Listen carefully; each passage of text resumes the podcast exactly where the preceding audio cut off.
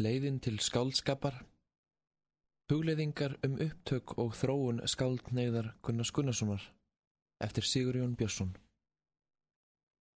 Fyrir hluti. Tilgangur hlutana Ingangur Fjallkirkjan, endurminningar auka greipsónar, er mikið verk í fimm bókum, leikur að stráum, skip heiðríkunar, Nótt og draumur, Órendur ferðalangur, Hugleikur. Í þessum mikla bálki rekur uggi æfiferilsinn frá því að hann mann fyrst eftir sér, unsan er fullorðin, búsettur í kaupmannahöfn, nýkvæntur og hefur stíð fyrstu framasporin sem riðtöfundur á danska tungu. Engverjir munu hafa haldið því fram að fjallkirkjan væri æfisaga Gunnars Gunnarssonar sjálfs en höfundur hefur lagt kapp á að bera þá skoðun tilbaka. Á einum stað skrifar hann svo Undir eins og fyrsta bindið kom út bara á því sem síðan hefur viljað við brenna, að menn kölluðu bókina sjálfsæfisögu. Mótmæli mín gegn því hafa lítið tjóað. Menn hafa þóst vita betur en höfundur. Nú er ekki því að leina að allmikið úr mínum eigin lífi hefur runnið inn í bókina. Sjálfkrafa að segja mætti. Eins og hún var fyrirhuguð hlaut það að fara þannig. Samt verði að telja að bókinn, allt á litið, sé fremur skálsaga en sjálfsæfisaga. En ætli mörkin millir skálsögu og sjálfsæfisögu séu ekki stundum nokkuð óglögg. Sumir ætla sér að skrifa sjálfsæfisögu en úrverður óvart skálsaga og hjá sumum verður sjálfsæfisaga úr skálsögunni. Gunnar Gunnarsson hefur líklega sjálfkrafa að segja mætti farið nær sjálfsæfi sögunni en hann ætlaði sér. Minni mig að hann vikjaði í einhverstaðar. Í bóksinni um Gunnar kallar Stellan Arvidsson fjallkirkjuna sjálfsæfi sögulegt verk. Uggi er Gunnar Gunnarsson sjálfur og skaldsagnarflokkurinn fjallar um leið höfundar til skaldskapasins. Hvort heldur réttaræðar að nota orðið skaldsaga eða sjálfsæfisaga er eitt og víst að nægilega mikið er af sjálfsæfisögu í bókinni til þess að þræða megi leið höfundar til skaldskapar síns og svo miklu leiti sem svo leið verður yfirleitt þrætt. Á þeirri fórsendu byggist þessi rýtsmýð. Fjallkirkjan er loka áfangi höfundar í uppgjöri hans við fortíð sína.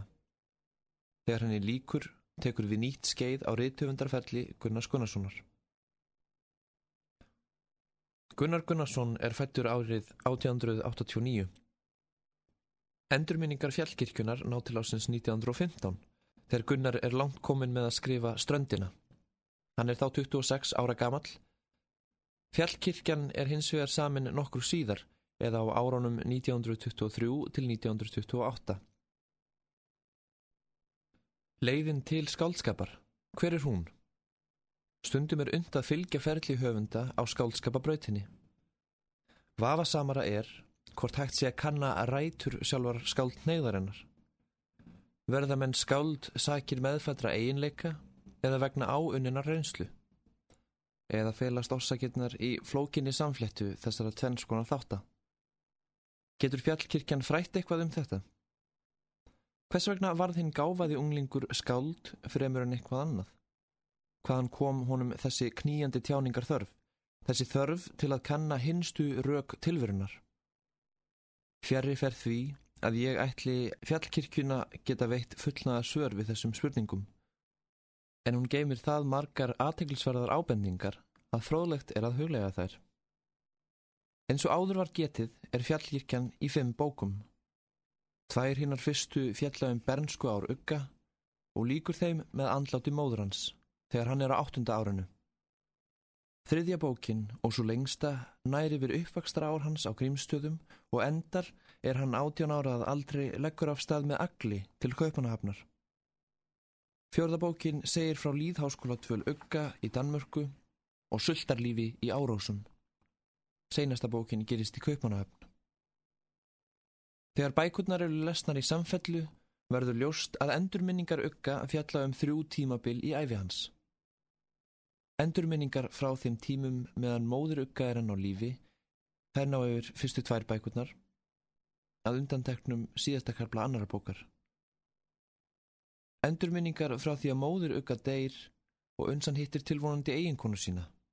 Frá því tímabili segir í síðasta kapla annara bókar, þriðju og fjórðu bók og fjórum fyrstu kaplum fymtu bókar. Endurminningum um tilhugalíf ugga og fyrstu hjúskapar ár. Frá því er sagt í þrem síðustu kaplum fymtu bókar. Mér fannst eðlilegast að leggja þessa sundurliðun til grundvallar eftirfarandi kaplaskiptingu. Það vísu verður ekki alltaf hægt að fylgja henni nákvæmlega, heldur seilstinn í önnur tímabil eftir því sem þurfa þykir.